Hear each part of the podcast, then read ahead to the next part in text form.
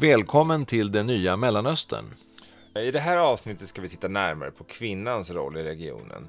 Och det är ett hett diskussionsämne som är omgärdat av en massa fördomar och stereotyper, inte minst här i Sverige. Ja, visst finns det områden där kvinnors möjligheter är begränsade. Men samtidigt har många kvinnor i Mellanöstern centrala positioner inom politik, kultur och samhällsliv. Och runt om i regionen görs dagligen insatser för ett mer jämlikt samhälle. Idag ska vi bland annat prata med en kuwaitisk konstnär som utmanar rådande normer och en ung tunisisk politiker som inte motsvarar den förväntade bilden av en islamist. Men vi ska också ta hjälp av tongivande akademiker och journalister som till exempel Mattias Gardell och Bitte Hammargren. Det ska ge oss en mer heltäckande bild av hur det ser ut på olika håll i regionen.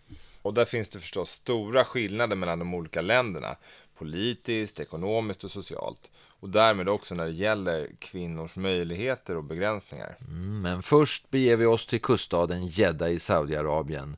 Där möter vi Lina Almaena som med idrottens hjälp har lyckats flytta fram gränserna för vad kvinnor får göra i det mycket konservativa kungadömet. We were one of the first teams ever to come across and um, speak out in the media. We traveled. We were the first team ever to have their game aired in 2009 on TV. It was a shock to the Saudi society. Här pratar Lina Almena om basketlaget Jeddah United som hon startade 2006. Men det var långt ifrån enkelt eftersom idrott och kvinnor ansågs vara en omöjlig kombination i Saudiarabien. Ja, men Lina gav sig inte och lyckades manövrera sig förbi alla juridiska och religiösa hinder. Och nu, tio år senare, är laget som hon startade tillsammans med sin man och några vänner en av Mellanösterns ledande idrottsklubbar. It just mushroomed into girls and boys and kids of all ages and different levels. Jeddah United är väldigt intressant för det är det första, ska man säga, rent professionella eh, sportklubben med, med kvinnligt deltagande upp på elitnivå. Där basket är deras eh, stora grej. Vem hörde vi där? Eh, det var Bitte Hammargren som är välkänd journalist och Mellanöstern-expert. De lyckades etablera den här klubben inom ramarna för det som är, är tillåtet i Saudiarabien. De kan bara spela mot andra kvinnliga lag, de kan aldrig spela inför en manlig publik. Men de försöker hela tiden utvidga gränsen för det tillåtna. Ja, det råder ingen tvekan om att Jeddah United har förändrat debatten i Saudi. Numera diskuteras kvinnors idrottande på högsta politiska nivå. Men det handlar inte bara om kvinnors frigörelse utan även om deras hälsa och det är särskilt viktigt eftersom övervikt och diabetes har blivit stora folkhälsoproblem. This is a serious topic. It's not something that it's not about oh just a bunch of women shooting hoops. It's really about the health of women and, girls in this country. Lina Almena vill inte ta åt sig äran för de framsteg som gjorts men hon medger ändå att Jeddah United spelat en avgörande roll. You see Saudi women black from head to toe. We maybe used to be labeled as UFOs, unidentified female objects, and then all of a sudden we're playing basketball. So of course it was a big shock. Newspapers were like front headline newspapers in Saudi were like, "What is this? Who are these girls?" Some opposing, a few supporting. And then it became honestly a national debate. I'm not saying we were the only reason, but we were a big part of the reason why it became a big, big national debate in the year 2009. Men arbetet är långt ifrån över. Därför ser Lina Almena till att hålla igång dialogen med de politiska och religiösa ledarna i landet. Ja, och där ska vi säga, där finns det ju både konservativa och mer reformvänliga krafter. Vissa är emot oss, men andra står helt klart bakom det vi försöker åstadkomma, konstaterar hon. Och trots framstegen så ska man vara medveten om att Saudiarabien fortfarande är ett extremfall i Mellanöstern. Reglerna som begränsar kvinnors rörlighet är mycket striktare än i något annat land. Enligt Bitte Hammargren är det största hindret det så kallade förmyndarskapet. Det är det stora lagliga hindret för det är ju det som gör att de aldrig kan få ett pass själva utan en förmyndarens tillstånd. De kan inte få ett jobb, de kan inte få en utbildningsplats och de kan inte heller gifta sig med vem de vill utan att det finns ett medgivande. En del kvinnor berättar för mig att de dessutom inte kan genomgå en operation utan att den manlige förmyndaren har gett sitt tillstånd, vilket kan leda till helt absurda situationer som när en kvinna som åker in på förlossningen akut plötsligt inte har sin mans medgivande för han är på affärsresa någon annanstans och läkarna måste gå mot regelverket för att göra eh, kejsarsnitt. Men vardagen ser olika ut beroende på var man bor. Bitte Hammargren igen. Det beror på vilken familj man tillhör eftersom kvinnor hela tiden är beroende av det manliga förmyndarskapet. Det beror på vilken religiös tolkning som den familjen lever med. Det beror på vilken social klass man tillhör och det beror på vilken del av landet man bor.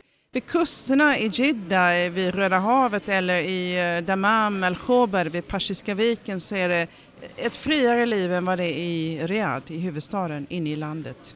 Det råder ingen tvekan om att Lina Almaena gynnats av den något friare atmosfären i Jeddah och nu leder hennes arbete till att sociala normer gradvis luckras upp även på andra håll i landet. Och samtidigt sker små framsteg inom den saudiska politiken och ekonomin. Kan du ge några exempel?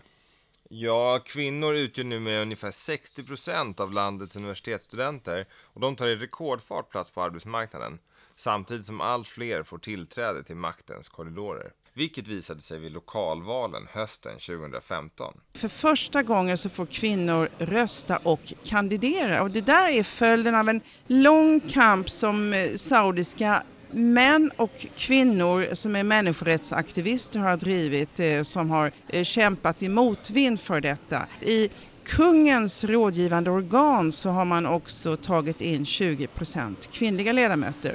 Det är, tror jag, fler, högre andel kvinnliga ledamöter än vad som finns i USAs kongress. Men de är ju inte valda av folket. I think the world is changing, society is changing, the generation is changing, the demographics are changing. The age group in Saudi Arabia, I mean, the youth is outnumbering. I mean, it's 70% compared to the older generations. So I think all these combined are um, reasons why everything's more acceptable now. Of course, there's still resistance, but nothing compared to, I would say, five years ago.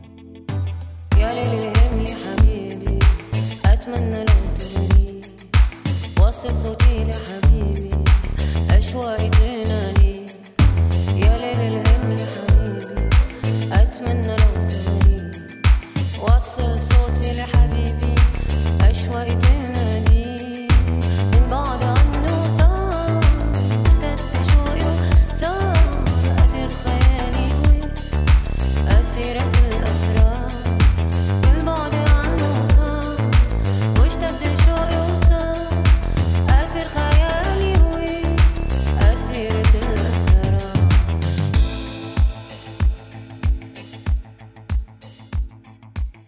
Här hörde vi låten Deny med den libanesiska artisten Jasmine Hamdan.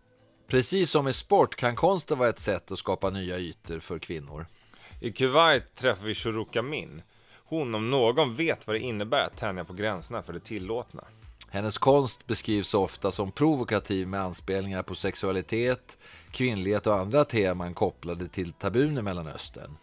Ett exempel är en tavla som kallas Fashionista där ser man en vacker ung kvinna i utmanande kläder, men med munkavle och kryckor. Mm, eller The King of Hearts, där ett par med traditionell arabisk klädsel befinner sig mitt uppe i en het kyss. Det låter kanske inte så utmanande för oss i Sverige, men skapade stor debatt i Kuwait. Shruks provokativa konst gjorde att man 2012 stängde ner en utställning av hennes verk. Men effekten blev en helt annan än de kuwaitiska myndigheterna hade tänkt sig. If you look at the art in Kuwait from 2012, after the shutdown of my show, until today, you will notice a massive difference in how brave the artists are becoming and how more open they're becoming. And a lot of them obviously were inspired by that because what, what else, you know, what's the worst thing that can happen? They're going to shut down your show? Big deal. Worse than that, they'll put you in jail. I'm willing to take that risk. Shuruk Amin är inte ensam och hon ser en tydlig trend med hur fler konstnärer vågar tackla känsliga ämnen som har med kvinnors roll att göra. I feel it not only in the fact that more women artists are expressing themselves more freely, but also that within the art itself, there are more messages of women's uh, role in society, their rights, their potential, the glass ceiling, everything, all of these issues. Kuwait är ett av de länder i Mellanöstern där man brukar säga att kvinnorna har nått längst i sin frigörelse. Ja, ett exempel är att man placerades högst bland alla arabländer i den senaste Global Gender Gap Report, som rankar världens länder efter jämställdhet. Kuwait har också en lång historia av politisk och social aktivism och det har lett fram till att de flesta kvinnor idag deltar på arbetsmarknaden och sedan 2005 har man också allmän rösträtt. Men det krävs mer omfattande sociala reformer innan Shuruk Amin är nöjd. Och för henne finns de viktigaste drivkrafterna inte inom politik eller religion. Hon betonar istället kulturen och mediernas roll. Intellectual people, artists, creatives, they have to push the boundaries because this is where the change is going to happen in the Middle East. It's not going to happen through politics or religion. It's going to happen through intellect, through art and culture. I really believe that because that is what goes into the absolute fabric of the masses. Most people are afraid to touch upon religion or politics, but they have no problem talking about art or expressing what they feel about art or, or about writings or short stories or, or newspapers or media. So this is where the change will, will come from, I believe. Men hur var det egentligen med den där kyssen? Ja, alltså målningen The King of Hearts som togs bort från en utställning i Dubai och gjorde att fick ta emot hatbrev. I made this massive painting, huge painting of this passionate kiss between two uh, Arabs. And they are very much in love, and their love is blooming. And they don't care what people think or what people say. You know, sometimes in our culture, it's not okay to walk hand in hand with your girlfriend or your boyfriend, but it's okay to have a marital affair. It's okay to cheat. Cheating is acceptable. It's very popular for, for let's say, men to have a mistress, but it's not okay to walk hand in hand with your girlfriend in the street whom you truly love. It's bizarre. And the kind of reform that I'm looking for. I want to change these ideas and and putting out shocking images like that. I know it's not a shocking image, but for our culture it is a shocking image. It's one way to do that. Att konst, litteratur och musik är viktiga för social förändring är inget nytt i sig. Vänder vi till exempel blicken mot Iran, inte långt ifrån Shuruk Amins Kuwait, ser vi att kvinnor sedan länge har varit tongivande inom kulturlivet. Kan du ge några exempel? Ja, vid 1997 års bokmässa i Teheran presenterade 46 olika förlag hela 700 titlar av kvinnliga författare.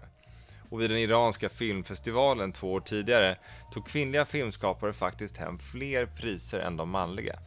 Här ser vi alltså en klar kontrast till vanliga stereotyper om kvinnor utan röst.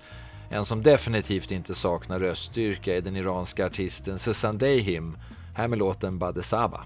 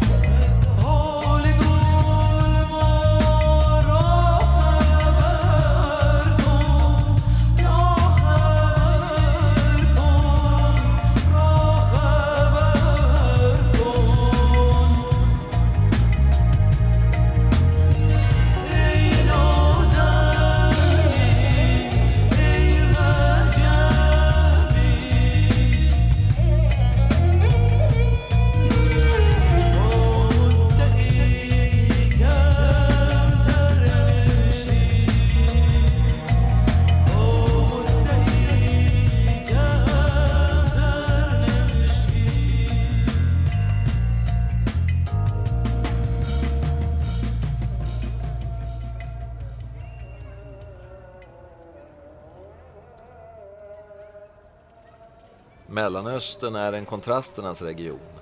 Det ser vi tydligt i Libanon vid Medelhavets östra kust. Här har huvudstaden Beirut blivit känd som en metropol där europeisk och arabisk kultur möts. I en artikel för tidningen Guardian skriver filmskaparen Mai Masri så här om stadens strandpromenad. En plats där man ser alla folkgrupper samlas, fiskare, joggare, barn på sina cyklar, människor som dricker kaffe eller spelar backgammon. Där finns täckta kvinnor hand i hand med tjejer i minikjol. Där finns musiker och gatuartister.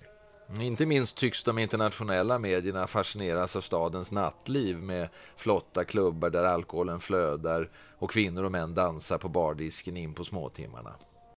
For years Beirut was known as a combat zone. But you got to put that out of your mind because now Beirut is this. Så kan det låta när den amerikanska nyhetskanalen CNN gör reportage från Beirut. Can you help me pick a filter? I don't know if I should go with XX Pro or Valencia. I want to look like Maya Diab tan. What should I write? I want it to be Shihek Mahdoum. How about hashtag live love Beirut, hashtag Walane? I only got 10 likes in the last 5 minutes. Behdele, do you think I should take it down? Let me take another selfie. Här hörde vi en kort snutt från medieprofilen Olga Habres satiriska version av hitlåten Selfie där hon driver med den ytlighet som hon upplever i Beiruts nattliv. Ja, men det här är bara en sida av den libanesiska huvudstaden. Beirut är samtidigt en konservativ plats. Redan innan Libanon var ett självständigt land, under tiden med osmanskt styre, tilläts de religiösa samfunden att stifta egna lagar i frågor som rör till exempel skilsmässor och vårdnad av barn. Mm, det blev totalt 15 olika rättssystem och de lever fortfarande kvar. Det finns alltså ingen central familjelagstiftning som säkerställer att män och kvinnor har samma rättigheter. I västerländsk media beskrivs ofta islam som särskilt restriktiv mot kvinnor. Men i Libanon så möter kristna kvinnor i stort sett samma svårigheter som de muslimska. De har till och med svårare att få igenom skilsmässa enligt en rapport från människorättsorganisationen Human Rights Watch. Vi vänder oss till religionshistorikern Mattias Gardell för att förstå vilken roll religionen faktiskt spelar för kvinnors rättigheter i Mellanöstern.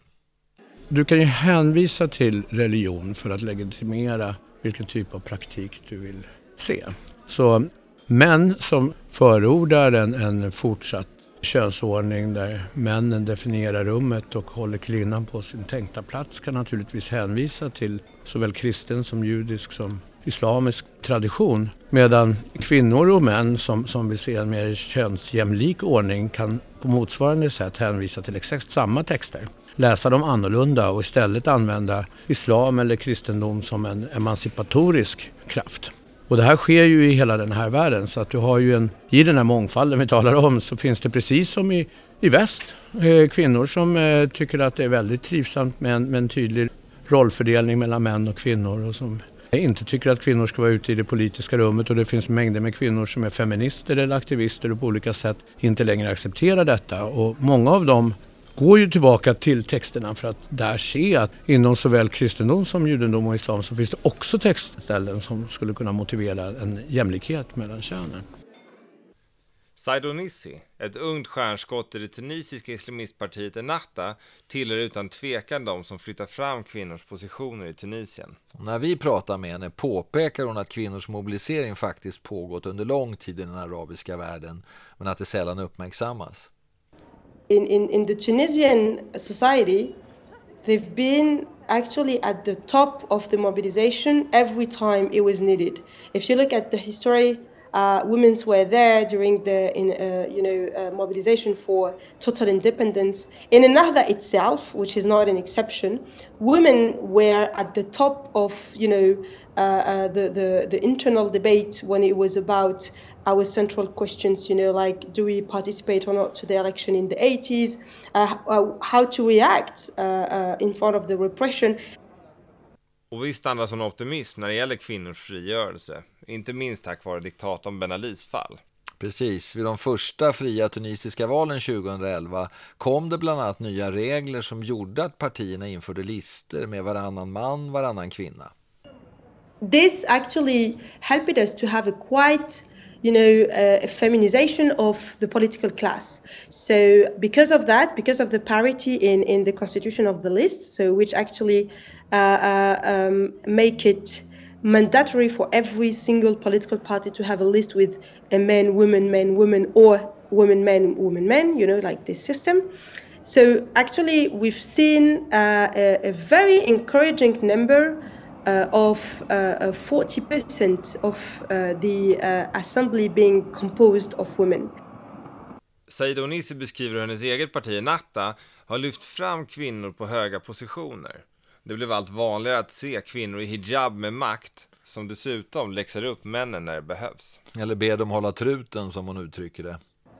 So it made it more and more usual again to see on TV a veiled woman uh, who was telling to a man to shut up or to give him the right to uh, speak to another one. So uh, and, and being respected by uh, basically her colleagues. So that I think you know also helped a lot of women, and I'm, I include myself there, and especially those from the young generation, those who are under 30, to to kind of having in front of you a role model or a kind of example Fanny Härgestam är journalist och lever sedan ett par år tillbaka i Tunisien.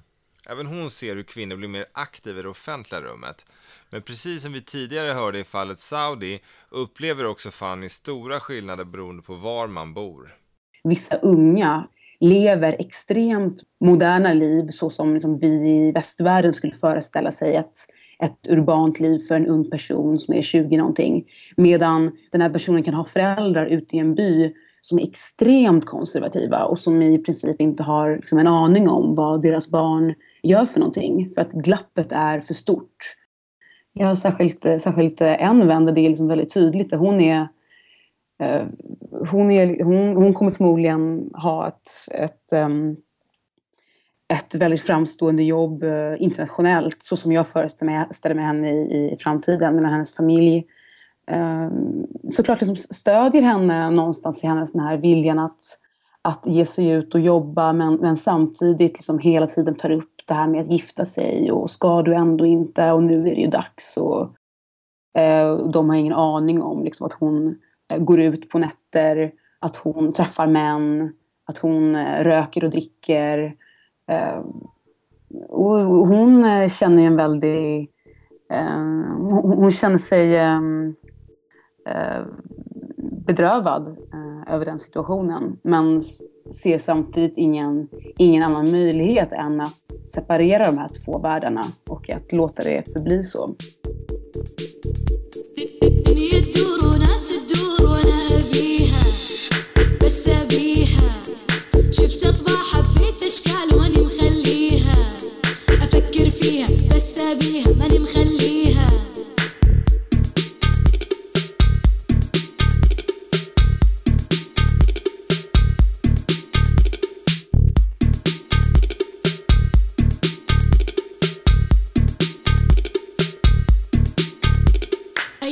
تروح وايام متيني وأنا ابيها؟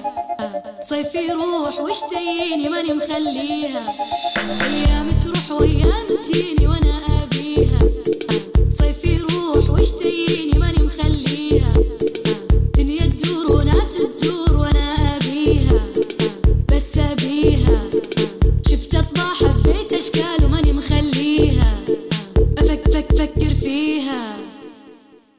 Det var en bit av Saad Sultans låt I want her but I don't want her. Glappet som Fanny Härgestam talar om kommer också till uttryck på arbetsmarknaden. Just jobbskapande insatser är något som många av dem vi talar med menar är avgörande för kvinnans frigörelse. Ja, även i mer progressiva länder som Tunisien syns fortfarande en kraftig snedfördelning.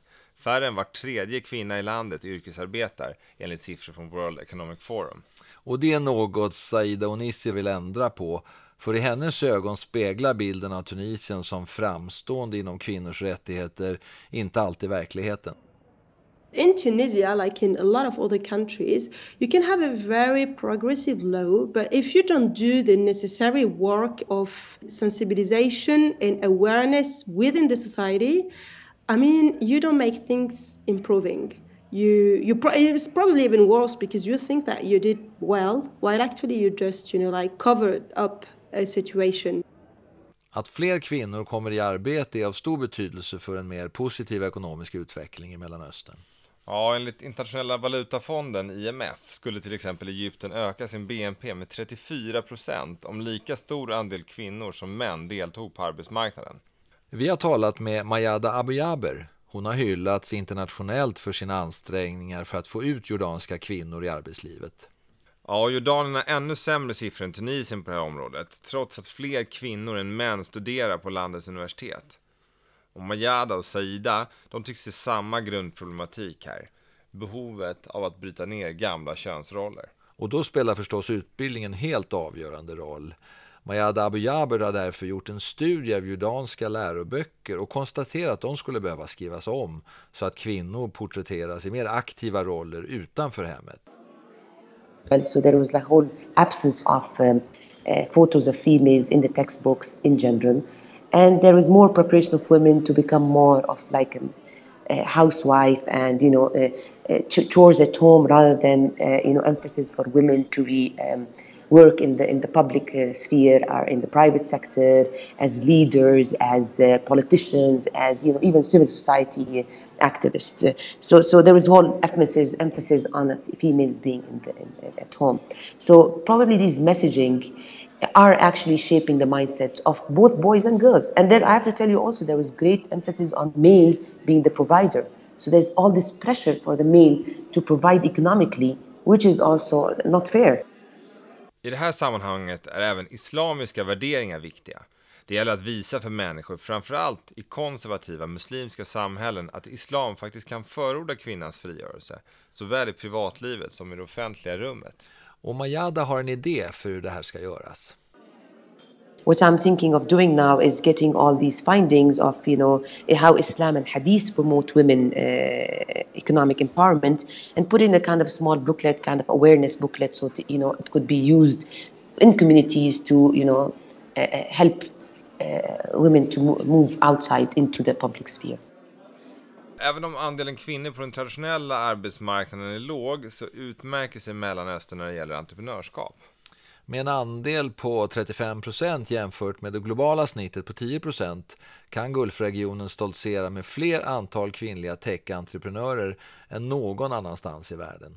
Mm, många kvinnliga IT-studenter i Gulfen säger att techbranschen lockar eftersom den ger flexibilitet och inte heller bryter med den familjeorienterade kulturen. I truly believe that by engaging more women in technology collectively we can build a successful economy and position this region in a competitive global landscape. Så säger Shaima Ghafour under en föreläsning. Hon arbetar på internetjätten Yahoos kontor i Dubai.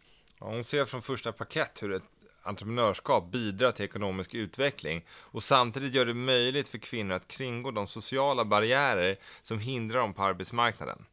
Shaima Ghafour berättar hur hon tidigt odlade ett intresse. Like most girls, I had a healthy social life and was very active in after school activities. I participated in sports and I played music. But at the same time, I had a different interest than girls. Your average 10 year old girl would ask her parents for toys and dolls to play with. But I had to be different, and I asked my dad for a computer. My father never knew where this came from, and he asked me, Are you sure you don't want a Game Boy? It's like a computer. No, Baba, I want a computer. Men när Shaima skulle läsa vidare på universitetet blev det ändå inte en teknisk utbildning. Hennes mamma tyckte att hon skulle plugga engelska utomlands för att sedan återvända för ett jobb på universitetet. Det skulle ge en bra lön och samtidigt göra det enklare att skaffa familj och ta hand om framtida barn. I love how my whole career plan was revolved around me raising my unborn kids. The interesting thing is I took her advice, I went off and I studied English, and I came back to Kuwait. But then I went through an existential moment, and I questioned the choices that I made in my life, and I realized that I based my whole career around my gender. And I questioned the very foundation of it and asked myself, why did my gender have to dictate what kind of career I can enter? Why couldn't I pursue my own interests despite my gender? So I decided to take cues from my earlier life and pursue a career in technology. Saima arbetar idag för att fler kvinnor i Mellanöstern ska följa sitt hjärta och satsa på en karriär som de verkligen brinner för. Bland annat genom organisationen Girls in Tech. Entrepreneurship is a great, great space for women to enter, especially women from the Middle East who do not feel comfortable uh, working with men. And also other women who are dropping out of the workforce before uh, becoming leaders and managers. Through entrepreneurship, women can activate their economic role by creating new companies and increasing the employment rate. I det här avsnittet har vi diskuterat kvinnorörelsen i Mellanöstern utifrån olika perspektiv. Från idrottsaktivism till konstnärskap och ekonomisk självständighet i arbetslivet. Och även om de arabiska upproren som svepte över regionen under 2011 och framåt inte alltid har lett till förbättringar för kvinnor, så har många framväxande rörelser öppnat nya vägar för frigörelse. Mm, möjligheten att debattera de här frågorna har ökat på många håll. Ta till exempel ett uppmärksammat fall i Marocko då en nationell proteströrelse bildades efter att två kvinnor arresterats för oanständighet på grund av sina kjolar. Ja, hundratals advokater erbjöd sig att försvara kvinnorna och närmare 30 000 marockaner skrev under en namninsamling samtidigt som folkmassor gick ut i protest på gatorna. Åtalet lades faktiskt ner efter proteststormen. Och i Egypten växer ett gräsrotsnätverk av organisationer mot sexuella trakasserier fram som består av både unga män och kvinnor.